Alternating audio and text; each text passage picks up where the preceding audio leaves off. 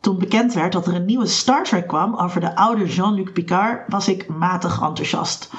Moet het nou nog steeds over de oude karakters gaan? Kunnen ze niet iets nieuws verzinnen? Ik heb met zoveel plezier meerdere keren naar The Next Generation gekeken en ik wil die herinneringen niet bezoedelen. Toen de serie uitkwam, ging ik natuurlijk wel kijken. De eerste aflevering met het mopperend oog dat past bij een oude witte man die vroeger alles beter vond. Maar ik liet me pakken door het verhaal en door het universum waar ik zo vertrouwd mee ben. Toen aan het einde van die eerste aflevering de camera uitzoomde en we zagen dat Sochi niet zomaar op een ruimtestation werkte, ging ik overstag. Want uiteraard ging toen mijn hart sneller kloppen. Ik zag de kubus, ik hoorde in mijn hoofd We are Borg en ik wist Resistance is futile. Mijn naam is Linda Duits en dit is Geeky Dingen.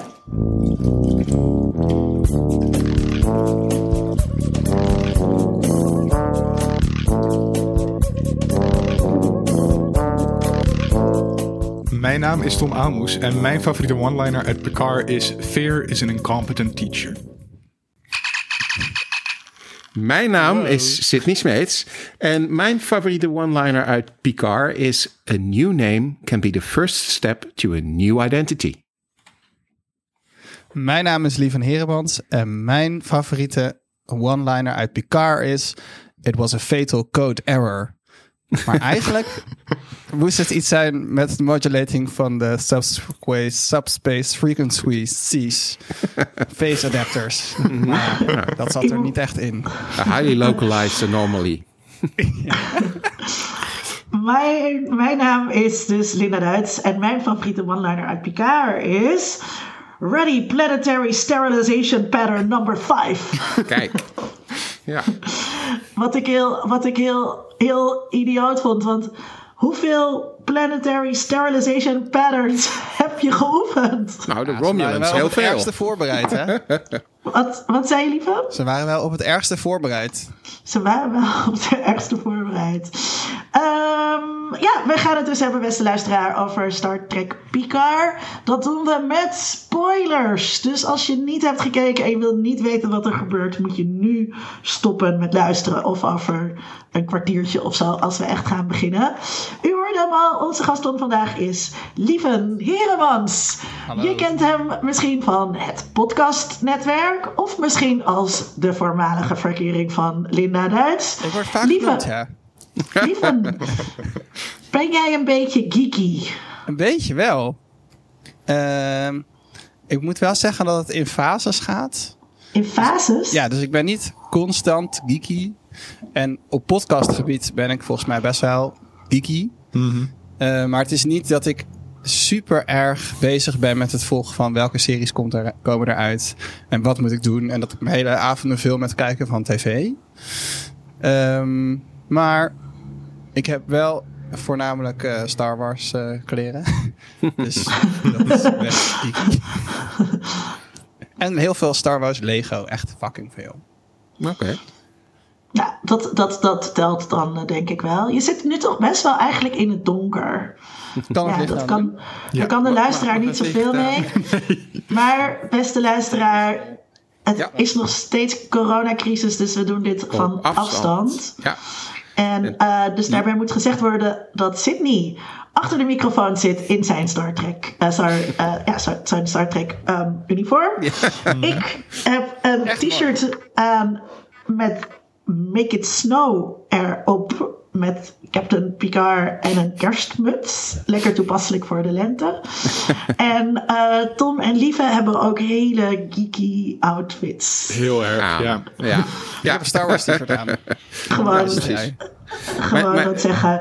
Lieve, je, je houdt dus wel van, van Star Wars, maar maak je dan ook wel eens bijvoorbeeld eh, Star Wars ruimteschepen van kaas? Nee. Eh, ik heb wel eens eh, dat ik dingen had neergelegd. Of als je kaasjes, eh, harde kaas, snij je vaak in driehoekjes. Weet je Ja. als je in zo'n heel slecht Italiaans of Spaans restaurant bent, kan je vaak een bord met kaas bestellen. En dat is dan manchego dat heel lang geleden gesneden is en in de koelkast staat onder zo'n plastic velletje. Nou, die driehoekjes lijken dus best wel op Star Destroyers. Ja. Als je ze op de juiste dikte snijdt. En als je dan ook nog kleiner snijdt, dan kan je een hele mooie Star Destroyer maken. Dat Kijk. heb ik wel eens gedaan. Zie je wel. Ik wist het. Oh, wacht, ik, ik ben aan het presenteren, dus ik moet door. Jij, jij moet. Jij moet. ik, ik moet het doorpraten. Eh, Oké, nou, eh, ehm, eh, lieve, je zei dat je niet hele avonden televisie kijkt, maar toch moet je meedoen met onze terugblik van wat je de afgelopen tijd hebt gekeken, gelezen of misschien wel gegamed. Eh, ben ik eerst dan? Ja. Ja, jij bent eerst. Oké. Eh, ja, ik ben al heel lang bezig eh, qua gamen met Zelda. Eh, ik heb drie jaar geleden van mijn beste vrienden een Game Boy Advance gekregen. Omdat ik een keer had gezegd, oh, dat wil ik echt graag hebben. Lekker oldschool. En ja, ja, precies. Want vroeger wilde ik altijd een Game Boy Advance. En die ging ik dan versparen, maar ik heb hem nooit gekocht. Maar nu heb ik hem dus gekregen. En ehm, daar heb ik toen Zelda voor gekocht. Ik denk eh, in januari. Voor 12 euro. Want ik wilde altijd nog Zelda spelen. Omdat ik ooit had ik op zo'n cartridge... waar dan heel veel spelletjes op stonden, stond ook Zelda op. Maar dan sla- sloeg hij de game niet op Oh. omdat er zoveel andere spelletjes op stonden. Dus ik heb het nooit zeg maar echt goed gespeeld. En nu kon ik voor 12 euro twee op één ding krijgen. Ehm, dus dat ben ik nu de hele tijd aan het spelen. Of wel eens. En dat komt goed uit in deze cor- coronatijd. Want ik ben heel veel podcast luistertijd kwijt. Dat doe ik namelijk meestal onderweg. Maar ja, nu Mhm. ben ik de hele tijd op dezelfde plek. Dus ik moet of geforceerd gaan lopen. eh, of heel veel afwas doen. Eh, of ik kan dus gaan Zelda spelen. Want dan ben je dus de Game Boy aan het spelen. En En dan hoef je ook niet af te wassen. je hoeft niet af te wassen. en je zet gewoon het geluid uit, want de muziek is toch wel vaak hetzelfde. Mhm. Eh, en dan kan je dus de hele tijd spelen en superveel podcast luisteren. Dus dat is wel eh, een life hack slash tip. Oh, Ik Oh, eh, doe het de podcast. Ja. Ja. ik doe hetzelfde Als nu dus ook eh, met, met Pokémon. Ik had vorige aflevering verteld dat ik nu weer Pokémon aan het spelen ben. En ik, te- terwijl ik Pokémon speel en door die wereld rondloop, heb ik dus de hele tijd podcasts op mijn oren. Maar heel dat is fijn. super Nice. efficiënt. Nice. anders verveel je de hele tijd in die Pokémon-wereld. Oh, Ja. weer een Electrobus. en dan... eh, Maar dat is een goeie- goede, goede tip wel. Want eh, ik begreep inderdaad dat de, de, de, de gemiddelde luistercijfers van de podcasts enorm gekelderd zijn eh, sinds deze crisis. Mhm. eh. ja, ik Nou. heb vandaag nog het nieuws doorgenomen. 7% gemiddeld ja. wereldwijd. Maar het, het, ehm, met eh, de andere podcast, Onder Media Doctoren, ehm, maken wij een speciale corona-serie. En ehm, onze luistercijfers zijn meer dan verdubbeld ten aanzien van dezelfde periode vorig jaar. Maar ook het aantal Ehm, afleveringen, toch? Maar we maken ook wel meer afleveringen. Dus, eh, maar het is, ik denk dus, dus de luistertijd naar eh onder mediadoktoren is niet teruggelopen. Maar dat heeft er ook mee te maken dat wij over corona podcasts maken. En ik las juist dat bijvoorbeeld True Crime heel erg teruggelopen is. En ik kan me zo voorstellen dat in die eerste weken, waar we nu nog net, net vandaan komen, dat het dan. eh, eh, logisch, logisch is dat je alleen maar nieuws wilt luisteren. Maar op een gegeven moment hebben mensen... Ik heb nu wel weer genoeg van het nieuws. Dat je dus juist dan wel weer ook andere dingen wil gaan luisteren. Misschien Ja. is het nog te vroeg om iets te zeggen daarover. ja. Ik heb nog wel een tip. Oh, ja. Kom maar door met je tip Maar je 2. kan hem eruit... Oh ja, maar dit gaat over podcast luisteren. hè? Oh ja. Oh, ja, je mag ook. Mag- je mag mag ook, mag ook. Wat ik dus heb geeky. gedaan, dat is ook, het was een beetje geeky, maar meer filosofisch geeky. Ik heb afgelopen zomer, en daar ben ik nu ook weer een beetje mee begonnen, Het Kapitaal gedownload van Marx, de e-pub, die op een e-reader gezet. Mhm. En toen heb ik de podcastreeks eh, eh, de, het, The Capital met David Harvey, is een hele bekende eh, ja, linkse filosoof, of Marx alles weter, die op NYU lesgeeft. En die podcast is uit 2008. Dus het staat echt al super lang erop. Super Mhm. interessant ook om te horen dat dat ten tijde van de vorige economische crisis natuurlijk is opgenomen. Dus dan krijg je die historische context mee. En hij gaat dus heel dat boek door. En ik nice. luister het gewoon als een soort van Oh. college. En dan lees ik een hoofdstuk en dan weer een college. En dan kan je het dus veel beter begrijpen. Dus het is een soort eh, een MOOC avant la lettre. Nice. Oh, cool. En mijn andere geeky tip. Ik ben weer begonnen met het kijken van The Wire. Mhm. Eh, dat is... eh, Ben je helemaal opnieuw begonnen of ben je verder gegaan? nou, ik heb ooit, zeg maar, toen ik in Berlijn woonde, dus zes jaar geleden, heb ik het gekeken tot en met seizoen 4. En toen ben ik wel aan 5 begonnen, maar dat vond ik te ingewikkeld volgens mij. Eh, en nu ben ik dus helemaal opnieuw begonnen. Ook met mijn vriendin, want die had het nog nooit gekeken. En het plan was dat we ooit naar Amerika zouden gaan dit jaar, maar niemand weet of dat nog gaat gebeuren. Amerika nog Eh, maar dat was wel een reden. En ik had eerst daarvoor nog The Juice gekeken. En dat is natuurlijk door dezelfde schrijver Mhm. eh, gemaakt. Dus ja, dan kan je heel mooi zien hoe die verhaallijn over zulke lange tijd van verschillende lagen in elkaar schuiven. Dat is gewoon heel cool. Oké. Tip. Nice. Oké, Sydney. Nou, ik heb eh, eh, geprobeerd om eh, toch weer eh, het nodig te kijken. Ehm, het eerste waar ik mee begin, en eh, als Tom dat had opgeschreven, dan moet hij me meteen onderbreken, want dan sla ik dat over. Is Ta- Tales from the Loop. Nee, nee, ik word nog niet onderbroken, dus dat scheelt. Tales from the Loop, dat is een serie op Amazon Prime Video, gebaseerd op de tekeningen van eh, Simon Stalenhag. Dat is een eh, Scandinavische tekenaar die eh, eigenlijk hele landelijke Zweedse settings tekent, maar dan met futuristische rare dingen erin. En op basis van zijn tekeningen zijn ze een serie gaan maken. En die serie gaat eigenlijk over een, een dorpje. En onder dat dorpje zit een, een, een wetenschappelijke eh, instelling die allerlei experimenten doet met eh, nou, realiteit en eh, space-time en dat soort dingen. En de mensen in dat dorpje die hebben daar af en toe een, een, een interactie mee met wat, wat voor rare dingen er dan gebeuren. Het is anthology, dus het zijn wel eigenlijk iedere keer losse verhalen van, van, van karakters die in dat dorpje rondlopen. Maar ze hebben dus wel allemaal te maken met dat instituut dat daar onder de grond zit. En het ziet er heel erg mooi uit. Dat is op zich niet raar, omdat het gebaseerd is op die tekeningen van, eh, van, die, van, die, van die kunstenaar. Eh, de muziek is heel goed van Philip Glass. Niet iedereen houdt van Philip Glass. Ik wel. Het is eh, heel minimalistisch hè, wat hij eh, doet. Eh, En dit is de eerste keer dat hij dat voor televisie heeft gedaan. Een hele goede soundtrack. Ehm, en nu te kijken op Amazon Prime. Dus een, een, een geeky kijktip voor deze bange dagen. Ehm, verder heb ik gekeken naar... Klinkt leuk. ja, ja het- het- ik vond het heel erg leuk. Ehm, gekeken naar Birds of Prey. Dat is. eh, oh, die had ik wel op mijn lijstje. Oh, nou dan, sla, dan mag jij die. Dan sla ik, sla ik die even over. Ehm, daar, oh, daarover later meer, luisteraar. Eh, maar niet eh, uit, die uit de serie, toch? eh, nee, nee, nee. Dat zijn ook Birds of Prey. Maar dit, maar dit, dit zijn Birds Dit zijn echte... an- dit is anders. Gaat Tom zo uitleggen. Ja, dat dat eh, geen Romulans eh, zijn. Ehm, ik heb wel gekeken ook naar The Invisible Man. Eh, dat is een film die eigenlijk nu in de bioscoop zou moeten draaien. Maar omdat alle bioscopen dicht zijn, heeft Pathé thuis die eh, op eh, de, de app gezet. Dus die kun je daar gewoon. weliswaar is dat heel duur overigens. Maar goed, die kun je daar kopen. Of ja, huren eigenlijk. En eh, op het moment dat je hem dan eh, huurt, dan eh, kan je die gewoon kijken. Oh, ik zie, we zien een poes, we zien een spot in, in beeld. Ja, Eh, lekker. ja. Ehm, maar goed, eh, ik vind het op zich wel. Het is een leuke ontwikkeling. Want je ziet het nu bij een heleboel bedrijven gebeuren. Dat ze content die eigenlijk. Eh, in de winkel zou moeten liggen, of die, die, die op televisie zou moeten zijn. Of nou ja, televisie valt wel mee, maar die in de bioscoop zou moeten zijn. Of die in theater zou moeten spelen bij eh, bepaalde orkesten en zo. Dat ze die nu online aanbieden. En op zich het idee dat je daarvoor moet betalen, vind ik helemaal niet zo raar. Eh, dus zo'n film als The Invisible Man. eh, nou ja, nogmaals, als je in die bioscoop naartoe was gegaan, had je er ook, weet ik, wat is het, kaartje, 15 euro voor moeten betalen. Dus dat is ongeveer ook wat je ervoor betaalt als je het nu eh, thuis kijkt. En dan kan je het natuurlijk, eh, ja, maar je kunt het dat natuurlijk. Wel normaal. Is heel Ja. veel, ja, vind ik ook. Maar Voor de, bij de bioscoop betaal je ook voor een ervaring. Ja, dat is waar, dat is waar. Maar de, de, de keerzijde daarvan is natuurlijk dat je theoretisch.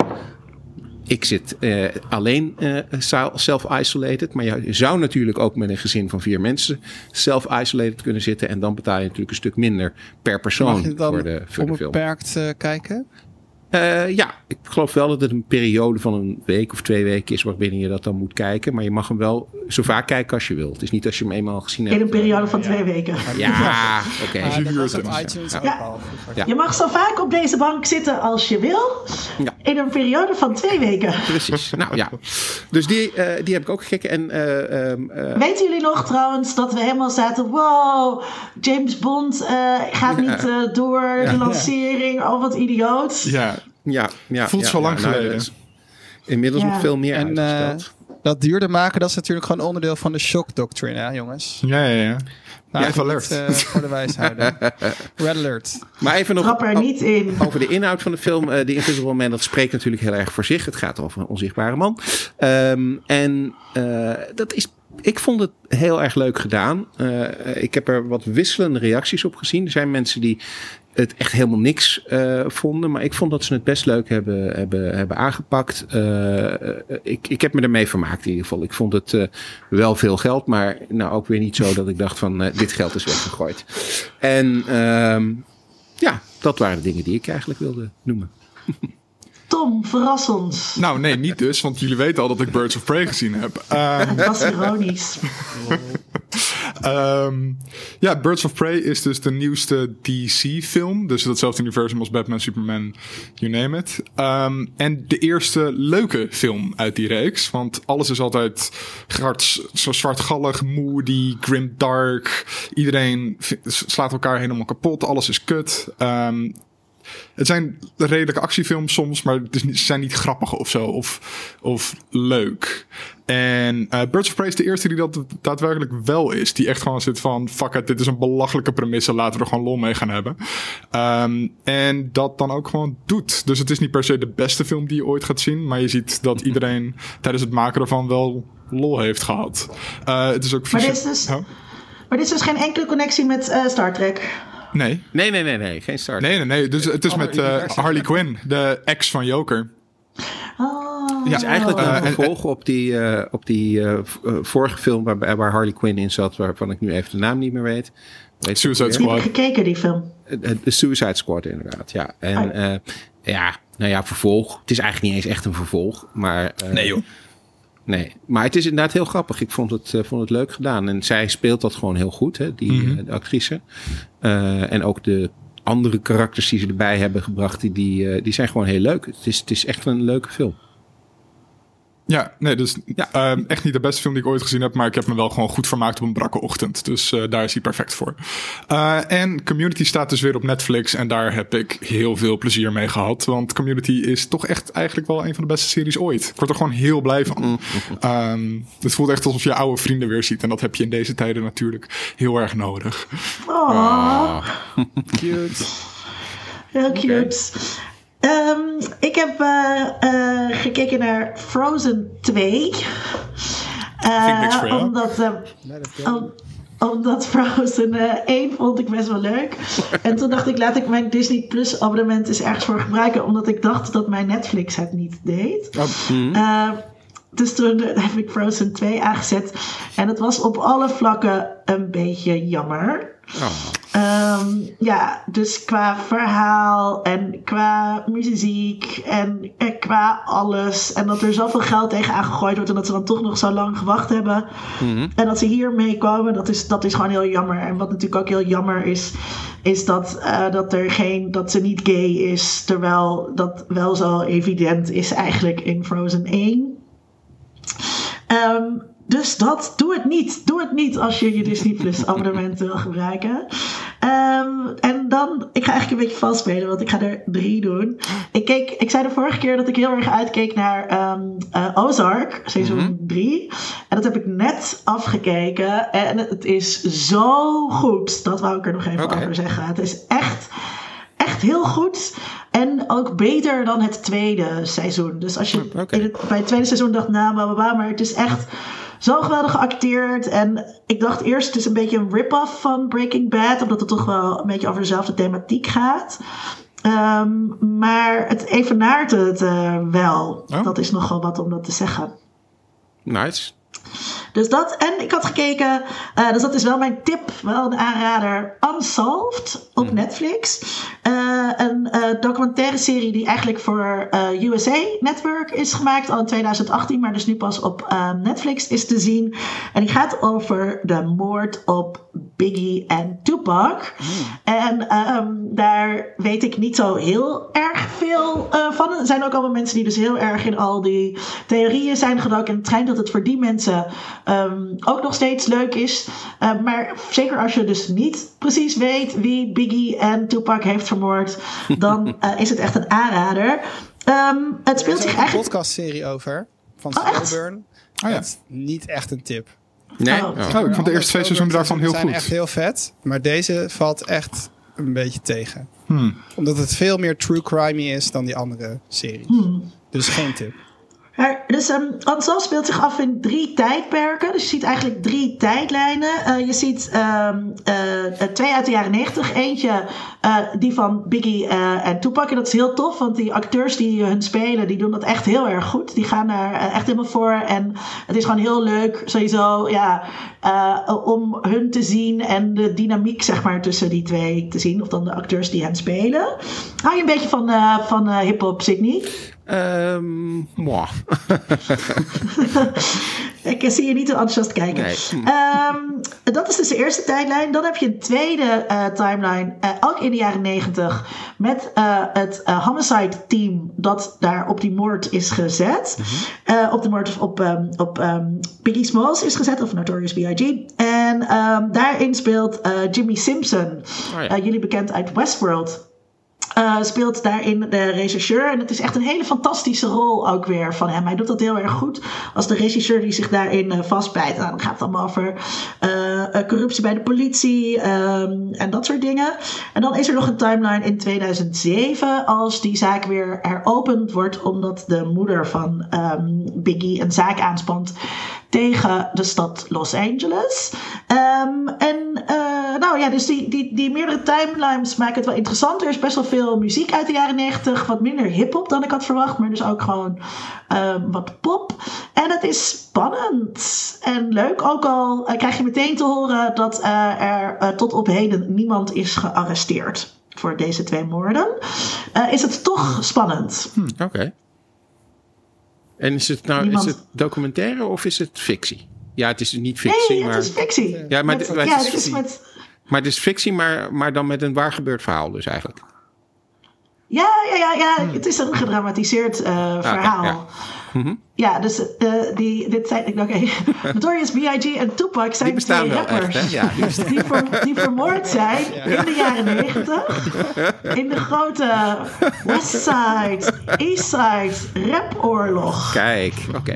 Wist je dit niet? Jawel, ik wist wel dat ze bestaan hadden, maar ik wist niet of deze serie dan inderdaad gewoon echt zeg maar de feiten laat zien of dat het toch wel een beetje. Het laat de feiten zien, maar het is natuurlijk ook gedramatiseerd. Oké. Dus ook die, die eh, rechercheur die dan door die Jimmy Simpson wordt gespeeld, die heeft wel echt bestaan. Eh, maar ze hebben wat ze altijd doen als ze dramatiseren, dan schuiven ze een aantal personen in één persoon. En, eh, en zo komt het terug. Maar het is wel, het is wel echt een aanrader. Oké. Eh, zeker voor de 90s kids. Oké.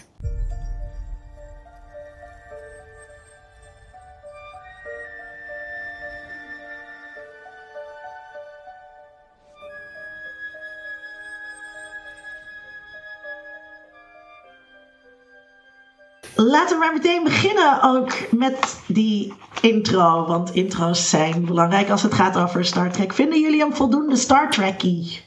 Hmm.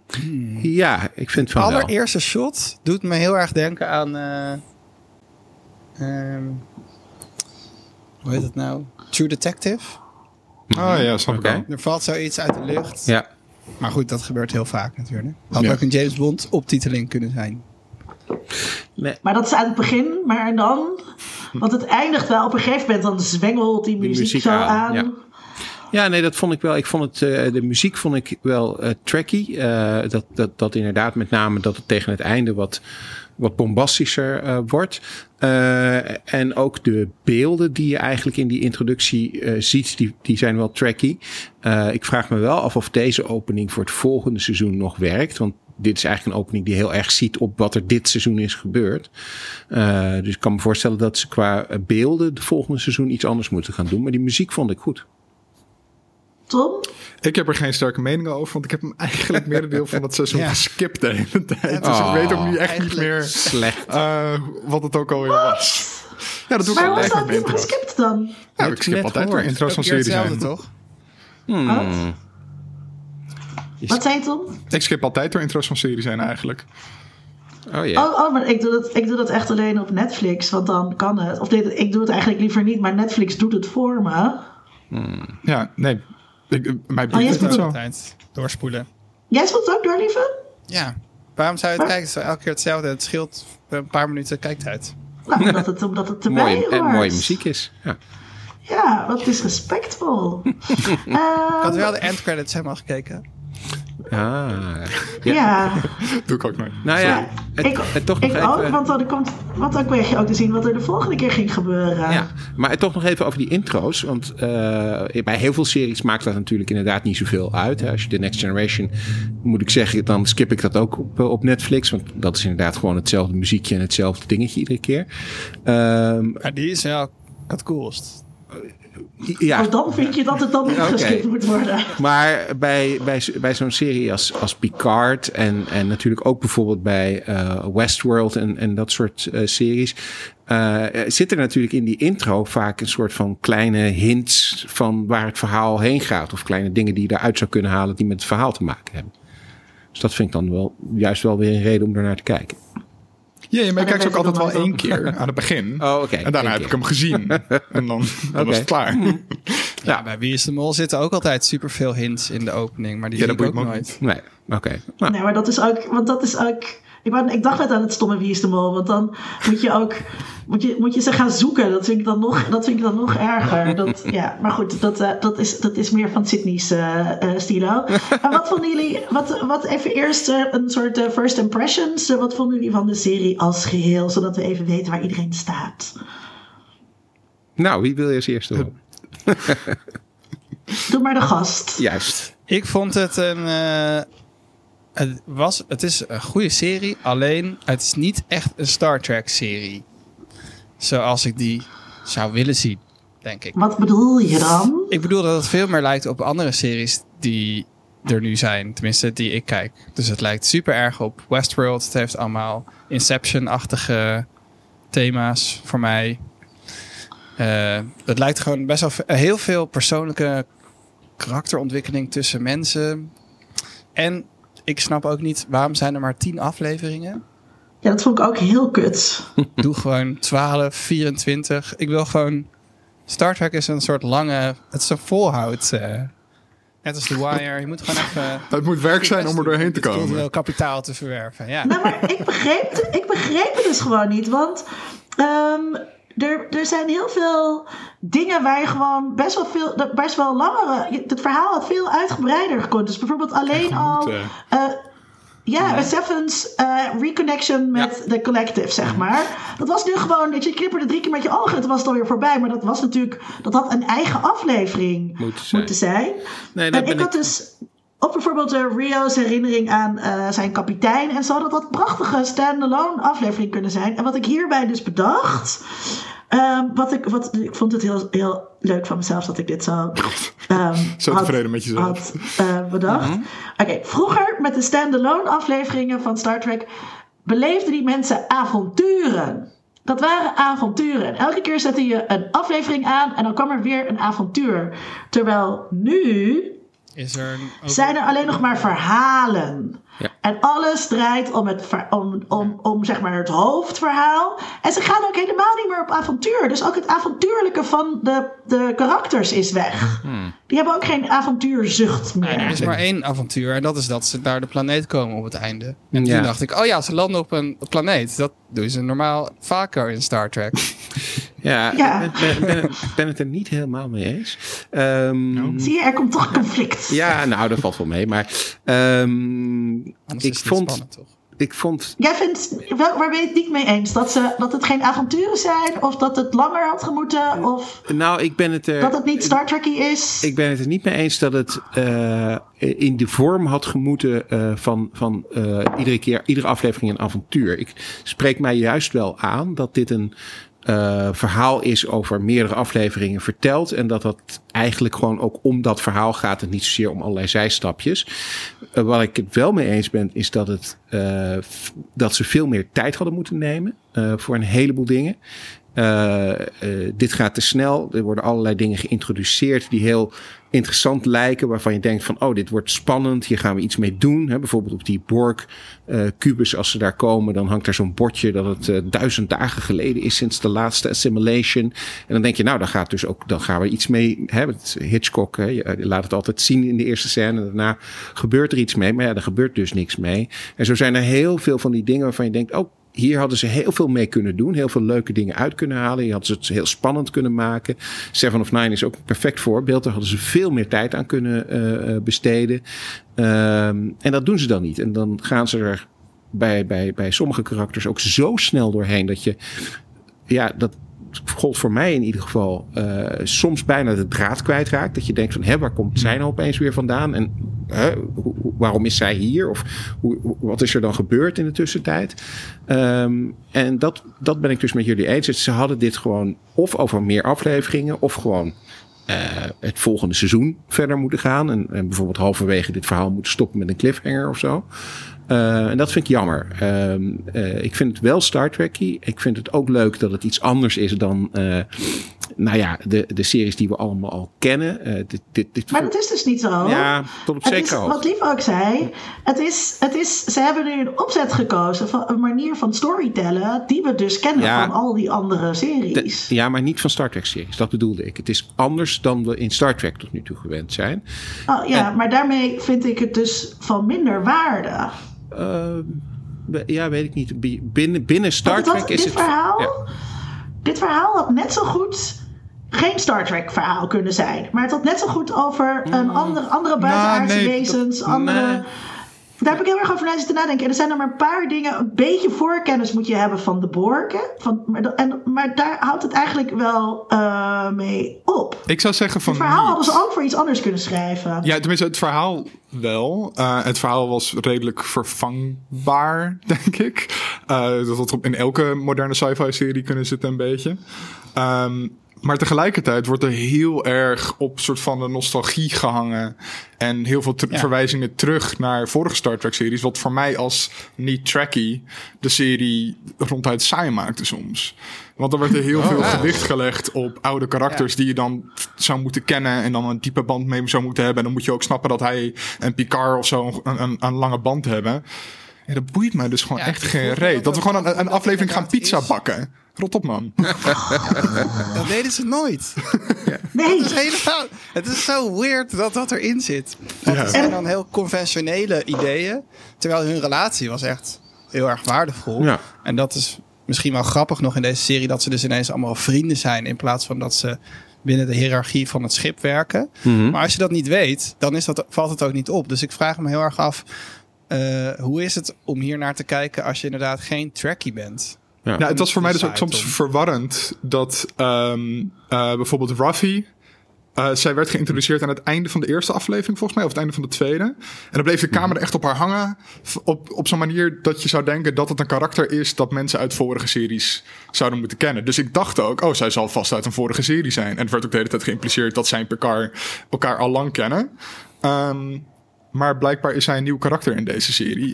Uh, en wordt er dus gewoon heel erg verteld dat zij en Picard close zijn. En dat moeten we dan gewoon maar aannemen.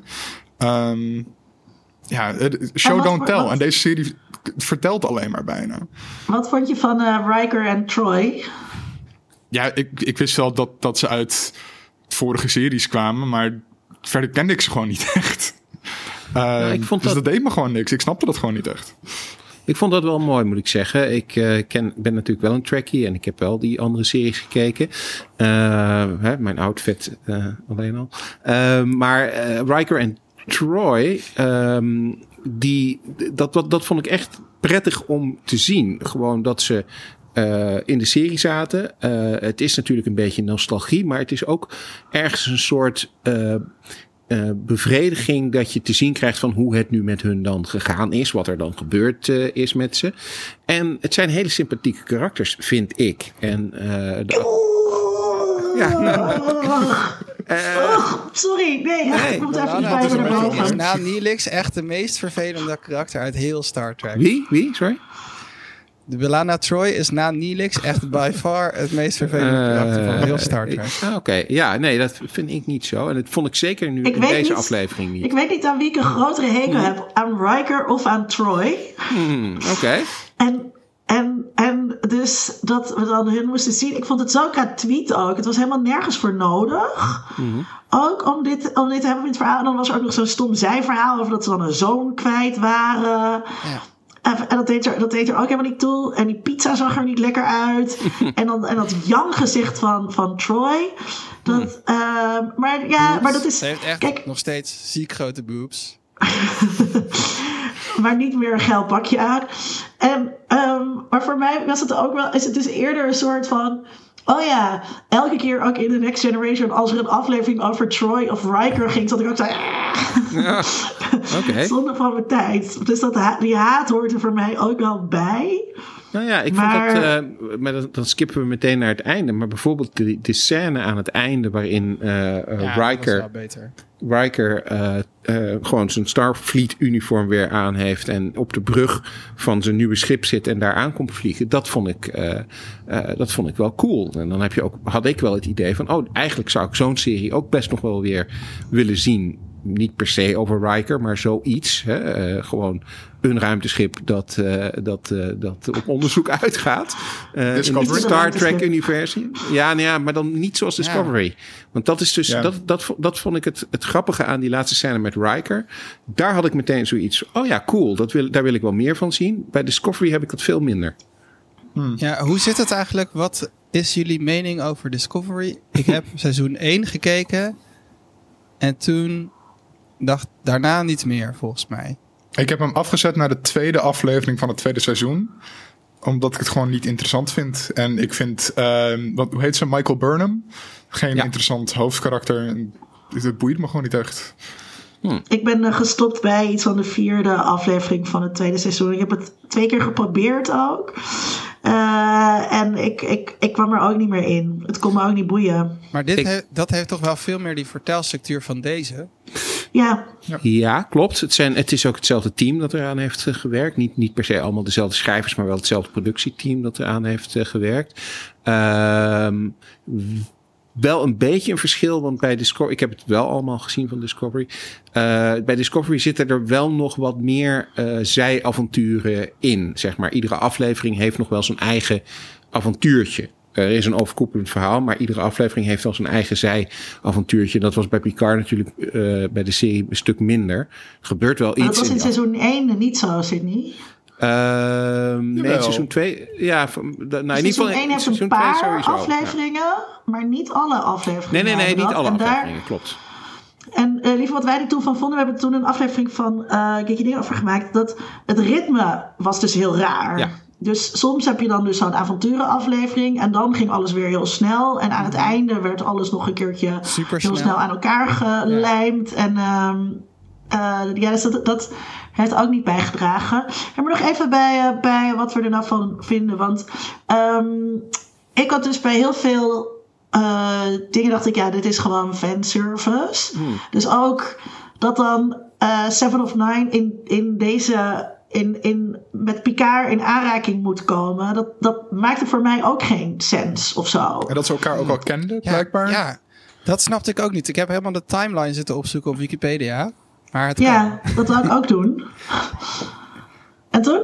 Eh, ja, dat kan dus. Want Voyager is vlak nadat Enterprise stopt eh, vertrokken. Ah, oké. En ze zijn twaalf jaar onderweg geweest. Ja, maar Mhm. die timeline is vet leuk. Want er zitten natuurlijk verschillende plot holes aan het einde van Voyager. Dus dan heb je ook nog theoretische aankomstmogelijkheid en daadwerkelijke. Ehm, dus het kan. Maar inderdaad, ze ontmoeten elkaar in de laatste aflevering, toch? Nee, ze ontmoeten elkaar al veel eerder. En, Ja? eh, Oh. Eh, maar, maar ze kunnen elkaar zo. In, er zit heel veel tijd tussen het einde van Voyager en het begin van Picard. Dus er is heel veel tijd waarin Picard, die eh, Admiral is geweest, hè, die een belangrijke rol bij de Federation heeft gespeeld, ook Seven of Nine heeft kunnen kennen. Net zoals die Janeway bijvoorbeeld kende. Want we weten dat hij Janeway is- kende, want die zit in de film. Maar dit is dus, dit is dus een probleem wat ik wel heb met, ehm, ehm, met, met Star Trek ook. ehm, waar heb ik dat nou opgeschreven? Het gaat heel erg uit van ehm, de belangrijke mannen. Dus het is heel, of, of mensen, zeg maar. Het is heel ja. erg op, op individuen eh, gericht, zeg maar. Dus ehm, eh, hè, dankzij dit, dit, dit, conflict was nooit beslecht, zeg maar, als het niet vanwege de grootheid van eh, Picard was geweest. Het is een beetje het idee, de geschiedenis wordt gemaakt door grote mannen. Mhm. Als we baby Hitler hadden vermoord, dan was de oorlog. Ja, dat is ook het idee gebeurd. natuurlijk met... eh, aan het begin wordt er een beetje gespeeld met het idee dat Starfleet als zodanig een beetje als instituut corrupt, log, bureaucratisch, eh, niet meer goed in ieder geval eh, is geworden.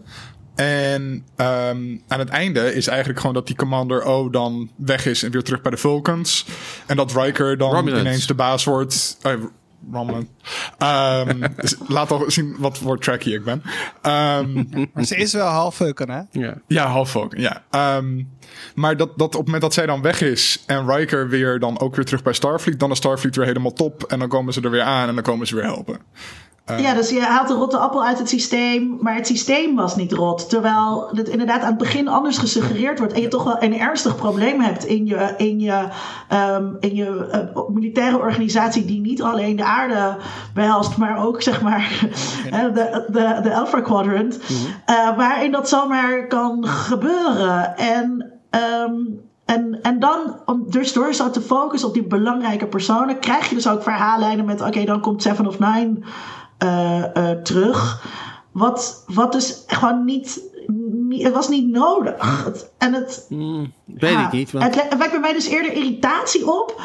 Dan, natuurlijk vind ik het leuk hoor om Seven te zien, weet je wel. Maar het past niet. En het was zo bij elkaar gepropt. Weet ik niet, want het is natuurlijk eh, het is een verhaal. En dat verhaal ga je vertellen. En in dat verhaal, om de, ik bedoel, daar, daar hadden ze andere keuzes in kunnen maken natuurlijk. Maar er zit een Borg Cube in, die, die, die daar, hè, met allemaal ex-Borgs, die daar, eh, nou ja, eh, genezen worden. Of ex-B's, inderdaad. Ja, vond, vond ik niet zo'n geweldige afkorting. Maar, eh, ja.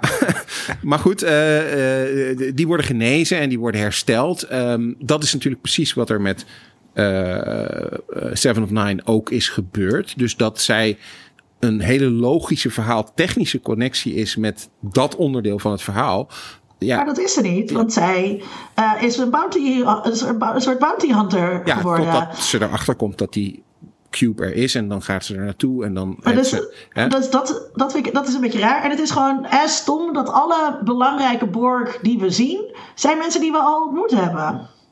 ja, zoals you. Ja, sowieso die, eh, hoe heet die? You? you, ja. Ik Ja, was hem You. helemaal vergeten. Oh nee, dat is een. eh, ja, die, die, die zitten in een paar afleveringen van The Next Generation. En eh iBorg. iBorg onder andere. Ehm, en eh, ja, dat vond ik eigenlijk wel heel leuk om hem weer terug te zien. En dezelfde acteur overigens ook, die ze daarvoor gecast hebben. Dat hebben ze niet altijd gedaan. Want er zit ook een karakter uit Voyager in... die op een gegeven moment door Seven of Nine... Die oogballen eruit gehaald worden. ja, maar die, dat is niet dezelfde acteur. Maar dit is wel dezelfde acte- acteur, Jonathan DeLarco. En ehm, die deed dat, vond ik goed. Ook op het moment dat hij Picard ziet. Maar vind je dan niet, Sydney, Sydney, vind je het dan niet stom dat zeg maar de belangrijke die, dat, die, dus, dat we die al allemaal kennen? Waarom er dan niet Ja, nou ja, in die zin, dat had natuurlijk nieuwe personages belangrijk zijn? Had zeker gekund. Ja, had zeker gekund. Maar ik vond het niet, Nou ja, niet heel wel- storend. Soji natuurlijk. Ja. Nou ja, en ik heb van, nog een vraag.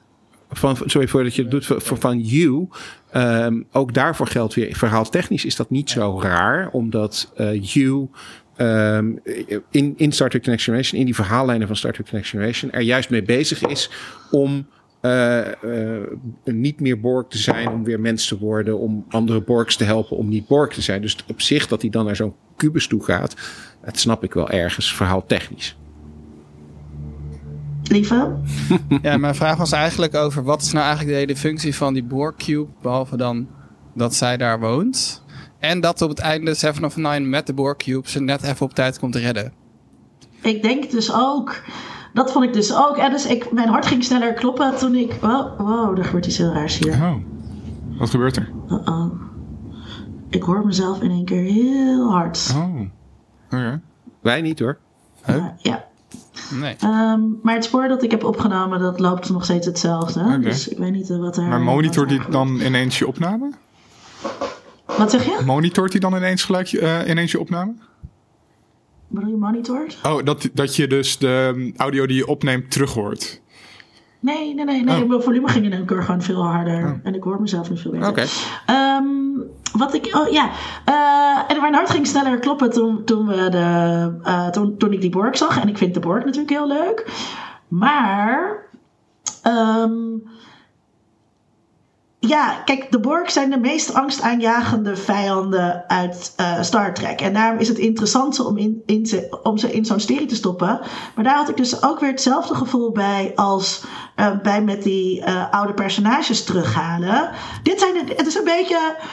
Oké, we gaan aan de fans vragen wat vonden ze leuke personages. En we gaan aan de fans vragen wat zijn goede volken of rassen. En dan gooien we die bij elkaar. Want het had ook zonder eh, de Borg gekund. Eh, ja, ik vond de Borg dus wel eh, binnen deze serie passen. Omdat het natuurlijk heel erg gaat tussen het verschil tussen eh, natuurlijk en synthetisch leven. Het onderscheid ertussen eh, wat voor plekje eh, synthetisch leven zou kunnen geven in een maatschappij. Dus daar past de Borg natuurlijk tussen. Omdat zij er een beetje letterlijk daartussenin staan. Tussen dat, dat natuurlijke en het eh, synthetische. Maar dat werd, werd heel slecht uitgewerkt. Ja, het werd heel slecht uitgewerkt, maar ik vind het niet raar dat ze erin zitten. Nee. Dat ze bedacht hebben, oh, met de borg, daar kunnen we thematisch iets mee. Zelfs al Want ik, al, alle thematische Ik dingen dus- vallen bij in de, in de soep in de serie. Dus ik dacht dus bij het einde ehm, dat die, die synth overlords, hè, die er dus blijkbaar zijn en die aan het wachten ja, zijn. die robotslangen. Totdat, What the fuck? tot de singularity zeg maar ontdekt wordt. En dat ze dan net zoals toen we warp speed ontdekten dat eh, er toen... ehm, First, Ja, first zijn contact. robotslangen. Ja, dat er, dat er dan veel... En toen dacht ik, maar oké, die synth overlords, synth overlords kunnen alleen maar de Borg zijn. Dat moeten de Borg zijn. Nee, toch? Ja, natuurlijk wel. Ze zagen er niet Want- uit. Nee. De Borg zijn veel meer virusachtig. Ja, maar, dus, maar het is... Het is En dit is veel meer AI. Maar dan had, je het, dan had het aan elkaar gekoppeld. Want nu was er alleen maar een soort van die loze... Er was niet eens een dreiging van de Borg. Ze konden nu, dit was ook weer een, een manier om de Borg te gebruiken. Zonder dat je echt ehm, eh, eh, iets moet doen met het feit dat die Borg zo onoverwinnelijk zijn. Want dat was natuurlijk bij Voyager en bij ehm, The Next Generation wel een Ja, probleem. maar dat, is ook, dat ben ik met je eens. Dat is ook jammer. Omdat er had veel meer ingezeten met de Borg. Eh, je had er veel meer mee kunnen doen. Je had inderdaad, wat Tom net zei, die connectie hè, tussen een soort tussenvorm tussen het biologische en het eh, artificiële. Daar had je iets mee kunnen doen. Met de dreiging van die Borg had je iets, iets kunnen doen. En uiteindelijk is dat bijna niet gebeurd. En dat vind ik, dat vind ik wel heel jammer. Er had veel meer ingezeten. Ja, Tom, je zei net van er wordt eigenlijk met heel veel niks gedaan. Ja, maar dat is ook. ehm, zij moet, Soji, eh, die, dat synthetische levensvorm, moet blijkbaar heel erg worstelen met het feit van, oh, wat betekent nu dat ik niet echt ben of wel echt? Eh, en eh, heb ik dan wel echte emoties en dat soort dingen? En dat wordt gewoon alleen maar beantwoord met een, ja, sure, je bent echt prima, top. Lekker. Eh, dus dat, werd niet echt uitgediept of ja. zo. Het was alleen maar, oh, ik heb even die existentiële crisis voor een afleveringetje of twee. En daarna is het gewoon prima, want artificieel leven is hetzelfde als, eh, als eh, biologisch leven. En ehm, ja, ik bedoel, er werd geen betekenisvol onderscheid gemaakt. Dus zelfs dat op een gegeven moment zo'n synth zo'n Vulcan mind trick kon doen. My mind to your mind. Wat een Dat soort gelijkheid tussen die twee veronderstelt. Ehm, wat ik heel gek vond. Ja. Ja. Ja. Liever, liever wil jij nog wat zeggen? Ja, daar wil ik iets over zeggen, maar dan wel in relatie tot Westworld. Maar misschien moeten we dat later doen. Nee, zeg. Maar waarom zouden we het later doen als we het nu mag- kunnen doen? ja. Nou ja, het is, eh, dat is wat Westworld in dit, dit derde seizoen heel erg probeert uit te zoeken. Mhm. Van waar gaan de mensen en de robots elkaar ontmoeten. En daar doen ze het echt super vet. Mhm. Maar goed, dan nemen ze een heel seizoen ervoor. En hier is het een Vulcan Mind Trick. Denk ik echt, dit slaat nergens op. ik, dat kan je toch niet leren als er niet eens Vulcans in de buurt zijn? Wat Of, voor dat- of dat je niet eens een, een, een mind hebt die op dezelfde manier werkt als organische materie. En eh, Nee, hoewel het... Ja, ofwel, want nou ja, het- je hebt ook dat repareerding, wat een soort toverstaf is. Ja. Dan kan je dan bedenken wat je wil gerepareerd en dan doet hij Ja. dat. Nou dat ja, precies. En, en het, het lijkt inderdaad wel een klein beetje op Westworld qua, qua idee. Want ook in Westworld is volgens mij het idee dat je, als je maar genoeg informatie eh, eh, hè, uit, een, uit een brein of uit een mens haalt en dat in een computer stopt, dan kun je dat weer eh, in een synthetische levensvorm in feite tot leven wekken. En dat is natuurlijk eigenlijk wat ze met data ook hebben gedaan, hoewel het al een synthetische levensvorm was. Maar die hebben ze ook een soort van eh, ja, in een, het is in een soort computer hebben ze die in leven eh, gehouden in afwachting eh, van wat er uiteindelijk met hem zou, zou gaan gebeuren. En dat is wat ze met Picard natuurlijk aan het einde doen. Hè? Hij, zij hebben zijn, zijn, zijn, zijn breingolven of wat het dan ook is, hebben ze kennelijk gescand en, en Dat verzameld. je echt niet bij aflevering 8. Ja. Maar laat, laten we nog even niet naar het einde gaan. Maar eerst ehm, nog even. ehm, is, dit, is dit nou. En met die, met die sins en die angst voor eh, AI en de singularity. Moet dit een waarschuwing zijn voor ons, voor onze tijd? Wat zegt de, deze serie over onze tijd? Hmm. Ik vind eigenlijk, zeg maar, nog iets weer algemener punt over Star Trek. Waarom ik het leuk vind om te kijken, is omdat het natuurlijk over geproduceerd is in heel bepaalde tijden. En ik, als geesteswetenschapper, ik hoorde trouwens even tussendoor iets heel ergs. Dat de, de auteur heeft corona. dus die zijn we binnenkort kwijt. Oh, oh, de auteur gaat dood. Ja, hij is ook natuurlijk al heel oud. Ja, maar dan is het dus interessant om zo'n serie te kijken. Om te denken, oké, wat zijn nou de dominante denkbeelden uit Amerika... die terugkomen in deze serie, maar dan in science fiction. Welke dingen uit de huidige tijd zijn opnieuw bedacht in de toekomst. Eh, en dat zie je hier heel veel terugkomen. Ehm, en in dit geval vond ik het dus eigenlijk heel erg zwak. Ik vond het ook altijd leuk om te kijken van welk volk of welk ras is nou welk volk op de wereld. maar kan iemand mij vertellen wie de Romulans zijn? Eh, volk is dat? Trump supporters. Ja, ja anti-AI mensen, religieuze mensen, Moslims. moslims. Nee. Dat denk ik niet. Nou, ik, ik vond. ehm, eh, ja, we moeten het straks, gaan we het straks nog even af hebben. Maar eerst, eerst even over die. moet- Is het een spiegel voor onze tijd? Nou, voor een deel wel, denk ik. Alleen ehm, de vraag is of ze, of ze het met. ehm, hè, de auteur is dood, maar of ze het gemaakt hebben met de, Corona. met de bedoeling om een spiegel van onze tijd te laten zijn. In die zin dat, dat het, het is Wat het. was de intentie? Nee, maar ik bedoel, kijk, dat is het natuurlijk per definitie. Want het is nu gemaakt en, en dus is het op een spiegel van onze tijd. Maar eh, het is niet een serie die, zeg maar, denk ik, bedacht is met het idee van we gaan nu een allegorisch verhaal over onze tijd vertellen. Er zitten wel dingen in die nu actueel zijn. Ehm, hè, be- nou ja, het begint natuurlijk met de vluchtelingencrisis en dat soort dingen allemaal. Het ligt allemaal wel heel dik bovenop. Eh, maar verder denk ik dat ze helemaal niet de intentie hebben om met het verhaal een soort eh, reflectie. Ze hebben niet de intentie om het er dik bovenop te Nee, leggen. nee, nee. Dat, nou, dat bedoel ik niet. Dat hebben ze wel. Maar ik, eh, eh, maar ik denk niet dat de, de rest van het verhaal de bedoeling heeft om eh, heel erg veel commentaar te geven op onze huidige tijd. Ik denk dat ze vooral gedacht hebben, eh, of dat nou helemaal gelukt is of niet, daar kun je dan over twijfelen, eh, dat ze een leuk verhaal over, over Jean-Luc Picard wilden vertellen. Het is gewoon vermaak. Ja, ik denk dat het wel. Nee, ik denk dat er wel zo'n ding in zit dat ze willen zitten van... Nou, we moeten technologie niet helemaal verwerpen... maar we moeten een soort gezonde relatie vinden... dat we een beetje ertussen kunnen schipperen... tussen geen technologie en wel technologie of zo. En dat is eigenlijk het diepste wat het ze gaat ermee ook heel komen. hè? expliciet over de singularity, toch? Ja, Dat is Ja. gewoon een doma- heel dominant denkbeeld nu. ja. Ja, ik, en daarom, ik vond het dus, eh, als je zeg maar, eh, ik vond het progressieve er een beetje af of zo. Dat, dat vond ik er nu niet in zitten. En ja, met die vluchtelingencrisis, het is, zo, het is zo evident, maar met die singularity ook. Maar dat is een beetje allemaal uitgekoud ook al. Dat, dat, ja. En voor zover die vluchtelingencrisis erin zit... is het ook heel erg dat Picard een soort van... de white savior is die even aankomt zetten. Da- zeker. Ja, Ja, zullen, we bijna daar, letterlijk. zullen we daarheen? Mogen we daarheen? Ja hoor. Holy Ik vind, ik vind het wel leuk dat het, dat het hem niet lukt en dat het hem ook verweten wordt. Ehm, Dat vond, ik- vond ik op zich wel prettig. Maar tegelijkertijd is dat ook weer... Omdat Picard het niet is gelukt, is niemand het gelukt. Ehm, Maar ik viel, ja. ik viel, kom op, ik viel echt van de bank af.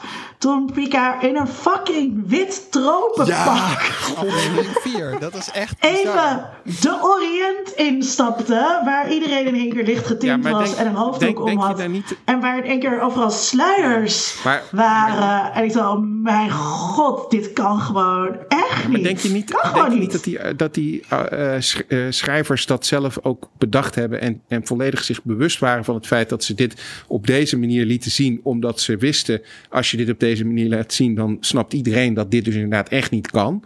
En dat Picard dus Ik, inderdaad ik, de- tot, het werd tot wel mislukken heel sympathiek neergezet dat hoe doen? hij daar binnenkwam lopen natuurlijk. Heel erg zo van handjes schudden met iedereen. Hi, hoi, hoe is het met de kinderen? Eh, Ehm, ik, ik, ik, ik vond dat niet had heel erg ik had negatief echt in beeld het idee dat dat tang-in-cheek was. Dat het, dat, dat, het lag er, het Dat lag het er, ironisch koloniaal racisme Ja, was. dat het er zo dik bovenop lag, eh, inderdaad vanwege zijn witte pak, et cetera. Eh, dat ik me eigenlijk niet kan voorstellen dat iemand als Michael Chabon, die toch een Pulitzer Prize heeft gewonnen, die, die op zich goede boeken ook schrijft, eh, zich niet bedacht zou hebben van eh, dit is de witte koloniaal die de mensen komt redden. Dat, daar geloof ik niks van. Maar hij heeft het wel bedacht of niet bedacht? Nou, dat hij dat niet bedacht zou hebben. Ik denk dat hij dat juist heel erg bewust zich daarvan was. En het op die manier in beeld heeft gebracht. Om er geen enkel misverstand over te laten bestaan. Dat Picard er in, op dat moment, in die situatie, inderdaad een soort white savior representeert. Die dus tot mislukken gedoemd is. Dat dacht ik nog wel van, oké, er wordt hier heel duidelijk een, een soort van brug gemaakt naar een andere periode. Wat dan in onze wereld zou verwijzen naar vroeger toen kolonialisme nog in was. Ja. En nu is dat niet meer in. maar, Dat dus, is een heel moeilijke denkstap.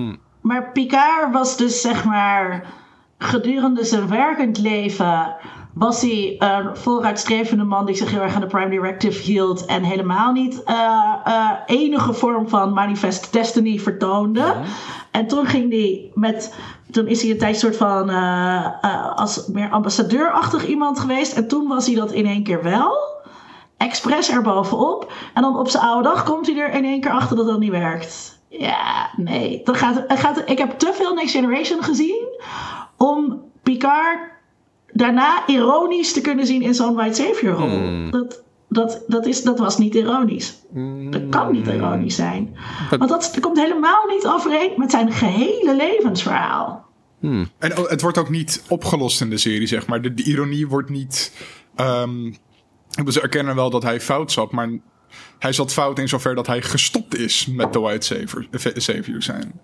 Eh, daar wordt hij op afgerekend in de serie. En ik bedoel, anders hadden ze het ook wel kunnen doen van... jij wilde ingrijpen, maar jouw ingrijpen heeft dingen erger gemaakt of zo. En wij hadden het zelf kunnen doen. Maar zo wordt het helemaal niet neergezet. Het wordt echt neergezet alsof de... ehm ehm, nu wil ik weer Vulcans zeggen. Maar het zijn eigenlijk Romulans. Romulans. Romulans, sorry. Ehm, eh, de Romulans echt, echt zijn hulp nodig hadden. En zonder zijn hulp nooit hadden overleefd. Ehm, wat, en en dat, dat blijft zo door de hele serie. Ja, ik, vond, ik, was hier best wel van, ik was hier best wel van geschrokken. En ik vind dus ook de manier waarop die verschillende rassen worden gerepresenteerd. is ook fuck essentialistisch. Dus eh, alle Romulans zijn zo. En alle Vulcans zijn zo. En eh, behalve de mensen, die zijn allemaal heel divers. Maar is dat niet Maar dat is altijd. met Star Trek aan Ja. zich? Toch? Ik bedoel, dit is, is- gewoon wel iets is- wat, wat in Star Trek zit, altijd. Ja. Alle, ja, alle, alle Klingons de- zijn allemaal hetzelfde. Maar dat kan, dat, dat, dat, is, dat is nu een groter probleem dan dat het was in, eh, in, eh, in de jaren 80 of jaren 90. Ja, maar dat hebben ze natuurlijk in Discovery een beetje geprobeerd te veranderen door die Klingons juist heel divers eh, te maken en daar juist allerlei Ja, maar onderzoek. we hebben het over Ja, Picard. dat klopt. En wat we gezien hebben is dat het bij Discovery juist helemaal niet werkte en dat mensen daar heel boos over waren en zeiden ja, maar dat zijn geen echte Klingons. Dus ik kan me voorstellen dat ze gedacht hebben van nou, misschien moeten we daar iets minder eh, experimenteel in zijn en wat dichter bij de basis blijven. Denk ik zo. Eh, en, Nee, maar en tegelijkertijd, je had ook wel verschillende Romulans natuurlijk. Ik bedoel, je had ook Ja, wel dat- een Romulan die met Picard mee, meewerkte en die eh, wel sympathiek waren eh, voor de Federation. Eh, de, en de, wat heet het, de Shadvage eh, of zo, eh, die, die gekke cult, is ook gewoon maar een deel ehm, van de Romulans. Dus ik vond dat Ja. niet, niet per se essentialistisch. Of niet essentialistischer dan andere Star Treks. Maar ze waren wel heksen. Eh, eh, nou, wel hele slechte heksen dan, want ze gingen allemaal dood. Ik vond het echt, dat vond ik ook weer een hele rare scène. Ja. Ik dacht, hmm, Ja, met die gekke visioenen en zo. ehm. echt gek, toch? Ja, maar ook met hoe hebben ze. Dat, ik begrijp het ook niet goed met hoe ze dan die acht planeten. Ehm, Oh ja, dat hebben ze gewoon bij elkaar geraad. Die hebben ze bij elkaar. En toen hebben ze dus daar, hebben ze daar een soort altaar gemaakt. Dat als je je hand erin stopt, dan krijg je dat een moeilijke visioen. Wat je niet aan kan en daar word je gek van. Je had het ook gewoon op een oude scroll kunnen schrijven. Ja, dat valt niet op. Niemand gaat Ja, het lezen. Maar als er acht zonnen zijn en één planeet, dan is het Dan interessant. gaat, i- dan gaat iemand daarheen om het uit te checken. Ja, dat, ik vond het een beetje eh, moeizaam. Ik werd ook een beetje boos op de manier waarop die wetenschapper eh, werd neergezet. Hoe heet ze ook alweer? Ja, zij is wel bekend, toch? Ja, dat is. Alison eh, eh, Pil. Ja, Agnes, ja. Ja, Alison Peel heet ze. Ik vond dus die Agnes... Oké, ze zegt de hele tijd... I'm the world's most renowned scientist specialized in bla bla bla. Je wordt niet de beste wetenschapper in een veld als je zo fucking naïef bent. Weet je wel? Soort- Wel als een soort heel erg niche veld, want het is verboden. Ja, ja. mutsje wordt ze daar zo eh, neergezet en onervaren met alles. Terwijl als jij de world's eh, leading expert in iets wil worden, dan zou je toch echt een beetje geheim moeten zijn, want anders maak je geen carrière. Hmm, Oké, maar ja, ze heeft wel eh, Bruce Maddox vermoord. Dus Ja, omdat zij dat fucking visioen had doorgekregen en ze, en ze niet anders kon. Maar ik bedoel, stond ze ook de hele tijd bij te janken terwijl ze dat aan het uitvoeren was. Was Bruce Maddox trouwens ook uit een vorige serie? Kenden we hem al? Ja, ja, ja, er is een aflevering die heet The Measure of a Man. Dat is eh, Star Trek Next Generation. Die aflevering gaat over de vraag of Data een eh, eh, persoon is of eigendom eh, is van de Federation en ze er alles maar mee kunnen doen wat ze willen. Bruce Maddox die zit in die aflevering, die betoogt eigenlijk dat Data geen echt persoon is en dat hij dus experimenten met hem moet kunnen uitvoeren omdat hij graag meer wil weten over artificial intelligence. En uiteindelijk komt er dan rechtszaak en is de conclusie dat Data wel een echt mens is. En later in The Next Generation zijn er een paar afleveringen waarin hij dan een, een, een personal journal voor Bruce Maddox opneemt om hem te vertellen over zijn leven als eh, android, eh, zodat Bruce Maddox daarvan kan leren. Dus dat zat, dat zat in The Next Generation, ja. Oké. Maar wat vonden jullie van, eh hoe heet Agnes. ze? Agnes. Agnes. Ik vond het een beetje gek dat. ehm, dus voordat we weten dat zij dan inderdaad voor Commander O werkt, dat ze dan gewoon nog steeds een beetje dezelfde is aan boord van het schip. Maar zodra wij dat weten, gaat ze zich ineens heel erg raar en zenuwachtig gedragen. Ehm, Dat vond ik heel gek. Ehm, ja, en verder is het gewoon een beetje een muts. Toch? Ja, het is een Ja. soort- een beetje flauw neergezet. Maar dan is ze toch uiteindelijk weer heel goed in liegen en redt ze weer de dag. Want natuurlijk doet ze dat. Ja, ga even zitten, want eh, we moeten nu onze riemen die tegenwoordig in deze spaceship zitten even aandoen. Maar het was zo grappig. Op een gegeven moment gingen ze allemaal zo opzij. En kon je echt zo zien. Ik weet dus niet of dat dus een grapje was naar vroeger. Eh, dat ze dat allemaal zo moesten acteren. Of dat het gewoon echt eh, la- lage productiewaarde was. Oké. Ik denk wel fanservice hoor. Ja, het was, dat lag er dus, vond ik er dus wel heel dik waf op liggen. Oké. Oké, vonden, vonden jullie nog iets eh, van eh, bepaalde manieren waarop dingen gerepresenteerd werden?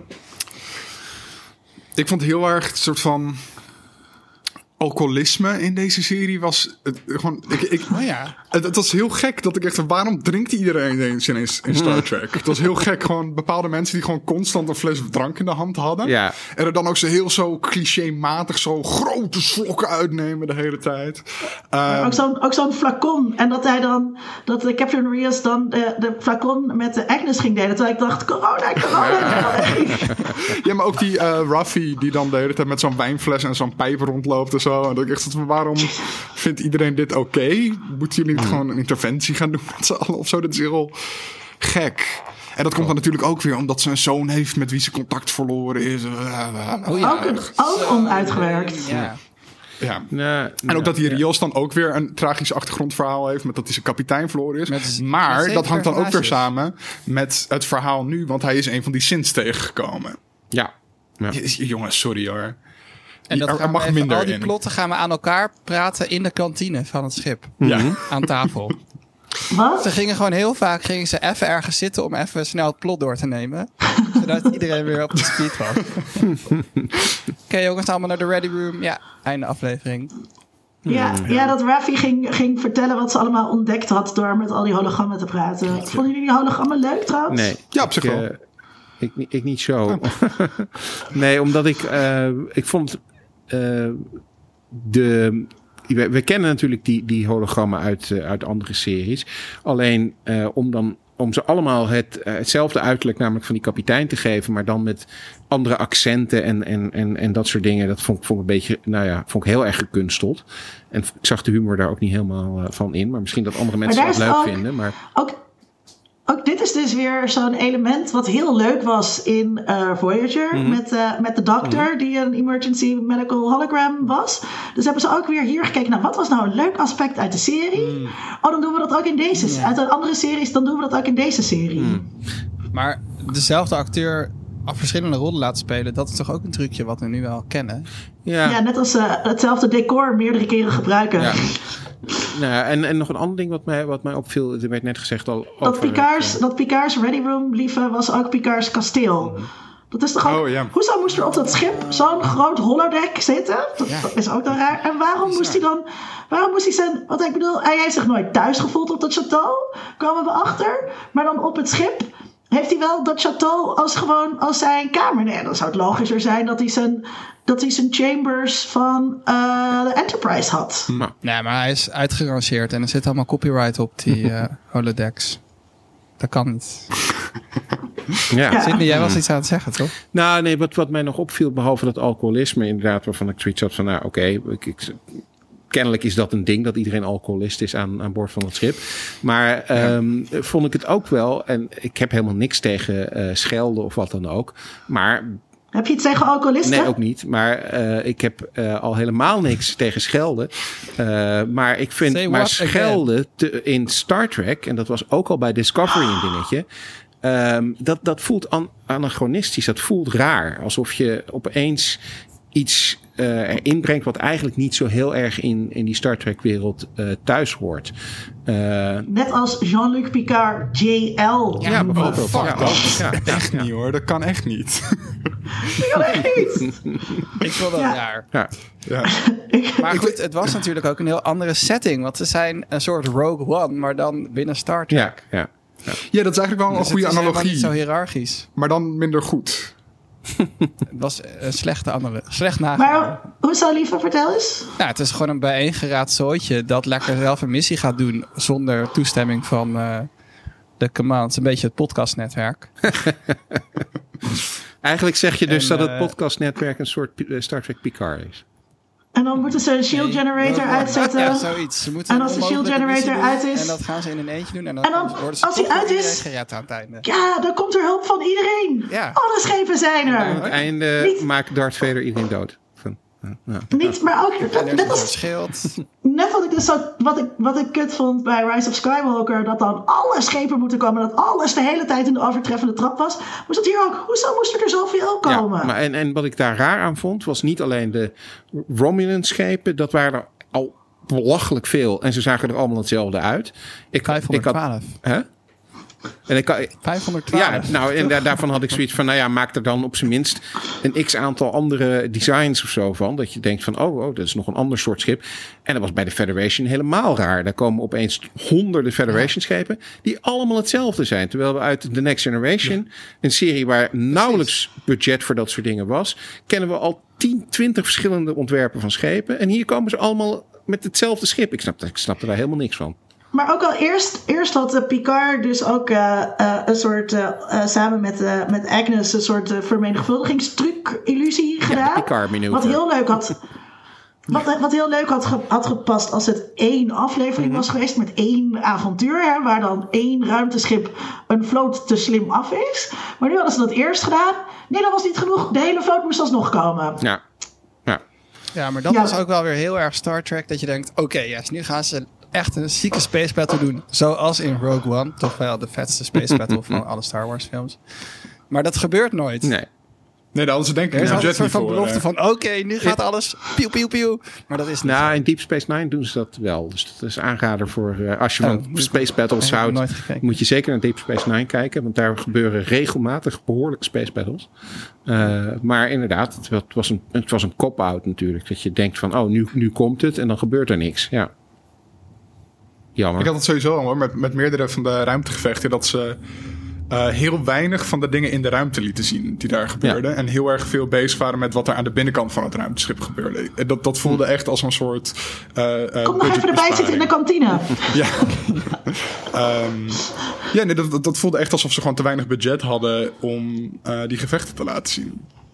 Ja, terwijl wel, zeg maar, wat wel Star Trek maakt, is ruimteschepen. Mhm. Dat is waarom ik het leuk vind. Maar ik denk wel dat die potentie voor het volgende seizoen heel groot is. Ik weet niet of we al eh, daar naartoe willen. Nee, we willen nog... We eh, hebben nog allemaal dingen. Nou, nou, we hebben nog. ehm, en nou, we kunnen, ja, ik wil wel even nog af voor dat Mhm. einde. Want ik vond het, ik vond het dus. Eh, ik vond aflevering 9 heel slow. Misschien, ik wil nog iets zeggen over... En toen aflevering 10 heel snel. En nou, je moet niet door me heen praten. en, en, en, en toen aflevering 10 gebeurde er dan weer in één keer heel veel aan het begin. En toen was het eigenlijk ook alweer. Toen, toen stopte het ook. En ik vond toen ik er eenmaal achter was wat het verhaal nou was. Zeg maar, toen het complot dus helemaal duidelijk was. En ze waren op die, op die homeplaneet al aangekomen. Toen was het voor mij eigenlijk al klaar. Ja, nou, Toen, op 9, in 9 dan. ja. Ja, ik had dat ook dat ik dacht bij 8, oké, ze moeten nog best wel ga- veel gaan doen in twee afleveringen. En toen dacht ik bij 9, oh, dit is het verhaal. Ja. Of er komen nog wat twists. Ja, maar dat was er ook En dat is- tijdens de laatste aflevering. Dat gewoon het laatste half uur was afronding. Een, een half uur van een serie van een uur. Dat voelde ook een beetje uitgerekt. Ja. Terwijl de Ja. aflevering daarvoor was weer best kort. Volgens mij iets van drie kwartier. Ja. Dat viel me. Wat, wat wou je zeggen toen je door me heen ging praten? Dat ik nog twee dingen heb over algemeen. Oké. Oké. Namelijk over het vrije spel van de betekenissen en betekenaars. Hey, is er misschien Ah, een arbiter in de house? in Ja, het vrije spel jullie zijn de artists, maar ze zijn. Of ik heb dit veel meer zitten kijken als een soort van Lost of Westworld, waarin er in de kleine dingetjes heel veel betekenis zitten in van het verhaal. Dus het boek wat Rios leest is van Manuel Uanemono. En het boek heet. Oh. Hij noemt zichzelf Essentialist Spaceman. En dit is een soort van. Ik weet niet of jij hem kent, Tom, maar dit is Nee. een existentialist. eh, een Spaanse existentialist uit de 8, 19e eeuw. Ehm, en dat soort, allemaal soort van verwijzingen naar de echte wereld, die er normaal helemaal nooit in Star Trek zaten, maar in andere series is wel veel meer. Vond ik ook weer een soort van kopie. En tegelijkertijd een soort van verwijzingen naar de huidige tijd. Dus op een gegeven moment zit dingetje te vepen. Mhm. ja. Ja, Vond ik Ook, ja. grappig. En de, en de, hoe heet het? De voedselgenerators. De replicators. replicators. Replicators lijken op 3D-printers. Mm. Ja, Ah, maar ja. ik had dus precies, ik had dus precies wat jij had, liever met ehm, en dat dan bepaalde dingen moeten dan heel betekenisvol zijn en daar moet je dan heel erg over nadenken. En dat is wat ik bedoelde met vroeger had je die avonturen en nu draait alles om dat verhaal en het, en het narratief. En is het veel meer gemaakt voor een publiek dat dat gaat nazoeken, dat dan ook de televisie even op pauze zet en dan even gaat opzoeken. Wie was dit misschien ook, ook alweer, dit persoon? Of wie is deze auteur? En dat het inderdaad voelt alsof het een Wie is de Mol puzzel is die je moet oplossen. Maar Zo zat het verhaal ook in elkaar. Maar tegelijkertijd is dit dan niet een serie die dat soort werk beloont. Want het, het- Nee. het- het- dat boek, dat doet er niet toe. Eh, Oké, het is een Nee, existentialist uit de zit er heel 19e hard eeuw, maar wat heeft dat ja. te maken in godsnaam met die serie? Geen reet. Ja. Uh, dus dat is echt zonde. Ehm, en het is eigenlijk gewoon alleen maar het, het verwijzen om het verwijzen, om dat culturele kapitaal van die andere series een beetje binnen te harken. Ehm, zonder dat het echt iets toevoegt. Dat is heel zonde. Ja, en dus aan te sluiten bij een bepaalde kijkmodus die nu uh, is ontstaan. Ja. Uh, en daarom vond ik het dus zo jammer dat, dat het niet gewoon die avonturen uh, waren. Want we hebben al Westworld en we hebben al al die andere shit waarbij je de hele tijd moet nadenken. Over, want ook toen dat boek, in, het kwam ook zo in beeld, dat boek. Oh, te Dus, vaak. oh, wow, nee, moet ik opletten. Ja. ja. Hoe was het eh, trouwens voor jullie? Want jullie hebben allemaal Enterprise gekeken, eh, ga ik vanuit. Of The Next Generation. Ehm, Ja. Om, om Niet Picard, Enterprise hoor. Daar hebben we niet gekeken. ehm, om eh, Picard dan te zien. Want voor mij, ik ken het karakter van Picard eigenlijk alleen maar uit een paar afleveringen die ik gezien heb in een film een paar jaar terug. Ehm, ik weet niet hoe hij was in die oude serie, maar hij kwam nu echt best wel vaak over als een soort arrogante lul die gewoon zit van ik heb een plan, volg mij.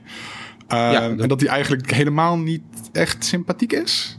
Nee, maar dat was Klopt dat een beetje met hoe hij was? Ja, in, op zeker, tenminste, mijn interpretatie van eh, eh, Jean-Luc Picard eh, in The Next Generation was ook een, een, een hele, eh, ja, best wel autoritaire, afstandelijke leider. Die eh, eigenlijk ook helemaal niet zoveel interactie met zijn crew had. eh, daar op zich wel een goede band mee had. Maar niet eh, zeg maar gezellig eh, samen nog een biertje gaan drinken of zo.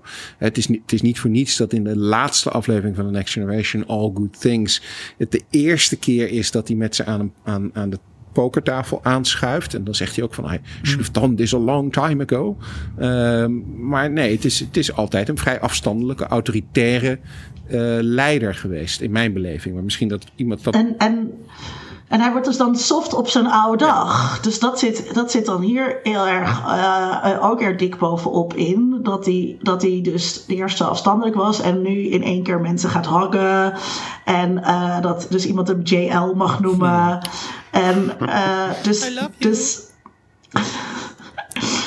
eh, en dat, dat, eh, volgens mij was dat dus bedoeld om een soort van mildheid die met de jaren komt aan te tonen. Of om aan te sluiten bij, dat, bij die laatste aflevering van The Next Generation inderdaad. Van, eh, dat, dat, dat dat de dingen in het leven zijn die ertoe doen of zo. Ja, ik, vond, ik, had, ik had gedacht dat ik. Ik was bang dat ik veel meer Professor Xavier erin zou zien. eh, van de X-Men. Eh, maar dat was niet zo. Ik, ik zat er wel vrij snel, zag ik hem wel gewoon als, eh, als eh, Captain Picard. Over Xavier trouwens. Ehm, volgens mij doen ze bij X-Men in de films is het ook op een gegeven moment dat Xavier gaat dood. Mhm. Maar dan komt hij toch weer terug omdat zijn bewustzijn in een ander lichaam teruggestopt kan worden. Dus Ja, dat viel me wel op werken- dat ze dat, werken ze nu dat, dat trucje dan nu weer doen. Ja, Maar het was toch ook dit. dit Olivia, had je nog een tweede punt trouwens? Oh, ja, sorry. eh, dat, ehm, eh, ja, met dat in een ander. ja, weet je, mensen gaan dood en dan zijn ze toch niet weer dood. Ik ben daar nu wel klaar mee. Weet je wel? Dat was ook in Star Wars. En eh, American Horror Story vind ik ook niet meer leuk om te kijken, want daar doen ze het ook de hele tijd. Ik wil gewoon dat mensen doodgaan. nou, En oké. maak ze anders, als je, als je niet, zeg maar, als je wel de emotionele impact wilt hebben, maar niet de verantwoordelijkheid wilt dragen voor een dood personage, maak hem dan niet dood. Nee. Ja, het is, ik vind het, het is een beetje, eh, ik heb er nu te veel gezien. Ik, ik zag het ook echt aankomen op het moment dat die Gollum geïntroduceerd werd. Had ik dus van ja, Picard gaat dood, dan gaat hij naar het lichaam. Ja. Tuurlijk. En Picard zou dit nooit accepteren. Ja, dat hij in een synthetisch lijf gaat. Nee. Dat is een heel punt dat hij die Nou, Borg-Cube hij is binnenkomt en dan helemaal shook is. Ja. Ja, ja. Meneer Heremans? Hoewel ze dit lichaam natuurlijk heel bewust eh, hebben gemaakt tot een lichaam dat eh, eh, ook doodgaat en zo. Hè? En dat een tijdige, dat een houding staat. Ja, en gemaakt Ja. door de zoon van de maker van Data. Ja. Dus dat is al sympathieker dan de Borg. Ja, dat is waar. Nou, maar dat weten we helemaal niet, want er was met die maker van Data was de hele tijd van alles mis. En er was toch ook een evil twin. Ja. En eh, ik zou daar niet zomaar vertrouwen. Maar het is, het is totaal tegen het karakter van Picard in om dat te, dat te willen. Eh, ja, maar dat, het is gebeurd. dus, dus hij heeft er maar mee te dealen Ja. de volgende seizoen. eh. Dit is wat de auteur heeft bedacht. En hij was nog niet dood, want hij heeft volledig maar corona. ja, maar, maar maar ja, dus wat, eh, oh, ja, is dit het nu? Is dit nu een nieuwe crew? Gaan we nu het volgende seizoen met dit rotje toe aan karakters? Ja, ik denk het wel. Een onwaarschijnlijk stijl. Mm, Wat zei je liever? Een, een improbable bunch. Of zo. Ja, een motley crew zegt hij ook zelfs ergens een keer. Ja, ja, ja. Een soort Gilligan's Island. Ehm, ja, ik, ik denk het wel. Ehm, maar op zich denk ik dat er heel veel eh, potentie in deze, de meeste van deze karakters zit. Niet in allemaal. En in de opzet van de serie. eh, als je het beter uitvoert dan het deze keer is gebeurd. Deze keer waren er een heleboel dingen overigens, want we doen nu net alsof het heel slecht was. Er waren een heleboel dingen heel goed, vond ik. Heel interessant, heel eh, aangenaam om Dit naar te de, kijken. dit, kan op de on- dit kan op de Kiki Dingen bingo kaart. Maar Sydney zegt, jullie doen nu net alsof er alleen heel maar, veel alleen maar was, slecht. Alles slecht, maar- alles slecht.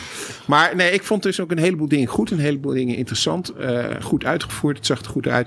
En er zit heel veel potentie in. Dus ik heb het idee dat als je nou zorgt dat je het volgende seizoen een iets mysterieuzer, spannender eh, verhaal kunt verzinnen. Waar je wat meer de tijd neemt om bepaalde thema's uit te werken en uit te diepen. eh, dat je daar echt iets moois mee, mee kunt.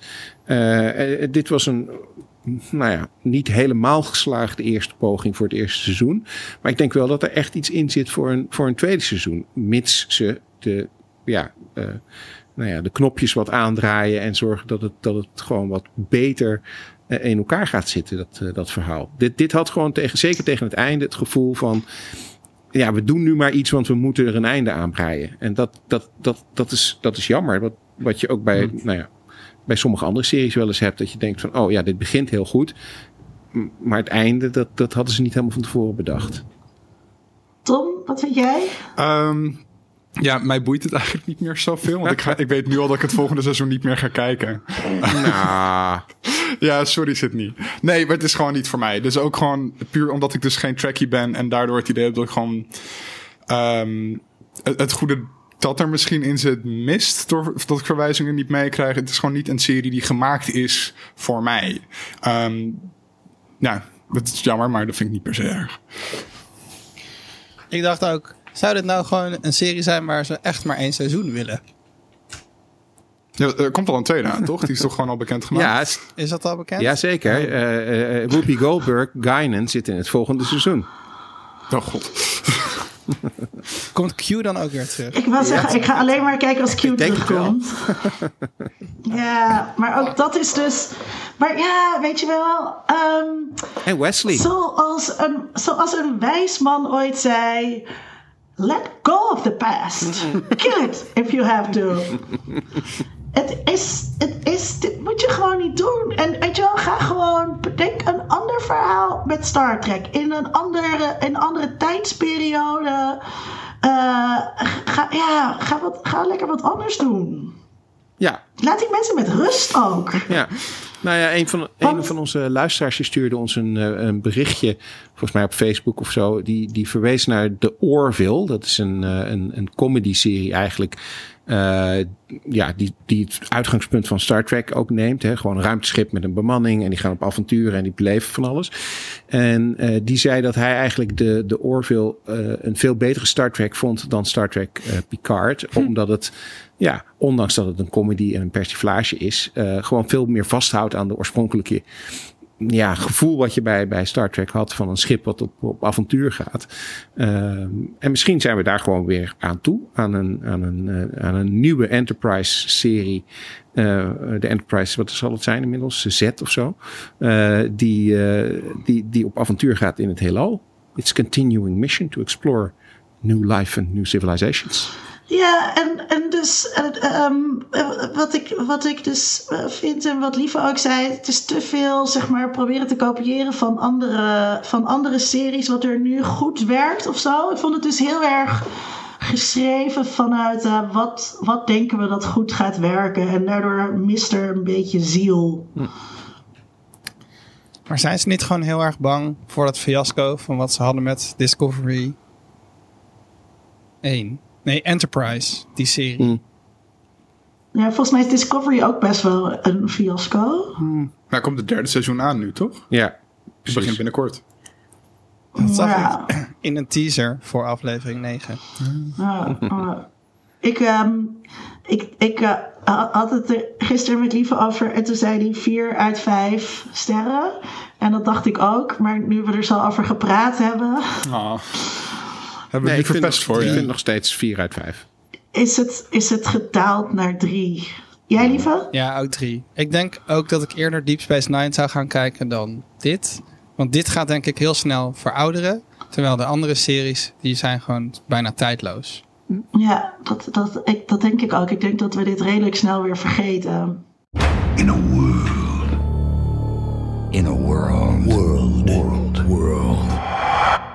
In a world. Dingen waar we zin in hebben nu we dit huiswerk af hebben. Nou, Lieven, Ik eerst? Ja, ik ben Ja, ja. Gast. diep in Westworld. Eh, dus ik kijk elke week uit naar een volgende aflevering. Wat Mhm. echt lang geleden is ook voor mij. Ehm, ik was heel bang dat het derde seizoen heel leem zou worden. Want meestal als je iets uit een bepaalde speelwereld haalt en naar de echte wereld brengt, wordt het kutter. Maar het blijkt nu vetter. Ja. ik had helemaal geen zin in dat Westworld, maar Sydney en, eh, en Tom hebben me al overgehaald dat ik toch echt- seizoen 3 moet gaan Er is kijken. niks begonnen? beters. Nee, want ik moest dit allemaal kijken. Ja, ik veel huiswerk. oké. Eh, nou, ja. Ik, ik had er pas één, toch? ja, je mag Nee, twee. je mag er nog één. ik er maar één? Oké. Eh, ik hoor heel veel mensen over Tiger King. Oh ja, Tiger King moet je echt kijken. Het is zo vet. Ja, oké. Het is bizar. Het is echt een van de gekste dingen die ik in tijden heb gezien. Dat was, dat was het ding dat ik wilde noemen, waar ik dus eigenlijk, waar ik dus, wat ik moet gaan kijken, maar waar ik geen zin in heb. Maar ik heb al twee journalisten weg moeten sturen die wilden weten wat ik ervan vond. Dus ik loop nu gewoon werk mis door dit niet te gaan kijken. Maar, maar het lijkt me, ik heb helemaal geen zin om, het lijkt me echt heel kut om te kijken. Nee, het is het echt is heel bizar en heel, heel... ja, het is leuk, maar het, op een soort gekke manier. Dat is echt... Volkert, Ja. eh Koorn, die raadde met heel erg aan. Eh, die zei echt, jongens, iedereen moet het kijken. Dus dat ik ook van, ja, ja, zal wel iets met tijd. Ja, leuk hoor. Eh, Oké, Volkert. ja, sure, whatever. Ehm, maar toen ben ik het toch maar gaan kijken. Het is, het, is zo, het is zo over de top en bizar. En het wordt maar gekker en gekker en gekker in elke aflevering. Het is echt fantastisch. Ja. En er komt eh, deze week, volgende week, een eh, nieuwe aflevering. Een speciale. Huh? Het, seizoen, het seizoen staat dus helemaal op Netflix. Maar ze hebben nog één extra aflevering gemaakt. Eh, Over dat hij nu corona heeft. Misschien inderdaad omdat hij nu corona heeft, dat, dat ze dat erin verwerkt hebben of zo. Ja, ja. Sydney. Ik kijk uit naar eh, een serie die vanaf 11 april. Oh, lieve, moet je niet, Oh, sorry, sorry. lieve, moet je niet nog iets pluggen? Pluggen. Ja, Ja, plug je dingen. Plug eens iets. vanuit het podcastnetwerk of zo. Ik eh, wil graag, als je, stel je luistert naar deze podcast en je denkt, ja, ik zou ook wel een podcast willen maken. Dan kan je eh, meedoen met de Podcast Academie. Die start 18 april. Het is een reeks van vijf workshops. Je hoeft ze niet allemaal te volgen. Je kan ook gewoon los eentje doen. En als je een podcast ambities hebt, dan kan je vast in een van die workshops iets leren. Ze zijn dus wel digitaal, dus zoals iedereen die zit te zoomen. Maar ze zijn ook heel voordelig. En waar kan je kijken voor meer informatie? Op de website www.podcastnetwerk.nl Heel goed gevlucht. Als een pro. Ja. Oké. Sydney. Ja, ik kijk uit naar een serie die vanaf 11 april op Netflix eh, komt. En die heet Code 8. Ehm, het idee achter de serie is dat er een eh, toekomstige maatschappij is die, waarin eh, ongeveer 4% van de bevolking superkrachten heeft. En dat kan van alles zijn. Je kan heel sterk zijn. Je kan eh, een laserstraal uit je vingers schieten. kan van alles zijn. Ehm, eh, maar dat is dus een, een minderheid van de bevolking die die krachten heeft. En dat is verboden. Dus op het moment dat je ontdekt wordt dat je die krachten gebruikt, dan kun je daarvoor gearresteerd worden. En dan ben je een zogenaamde Code 8. Dan komen dus allemaal politieagenten om je, om je op te halen.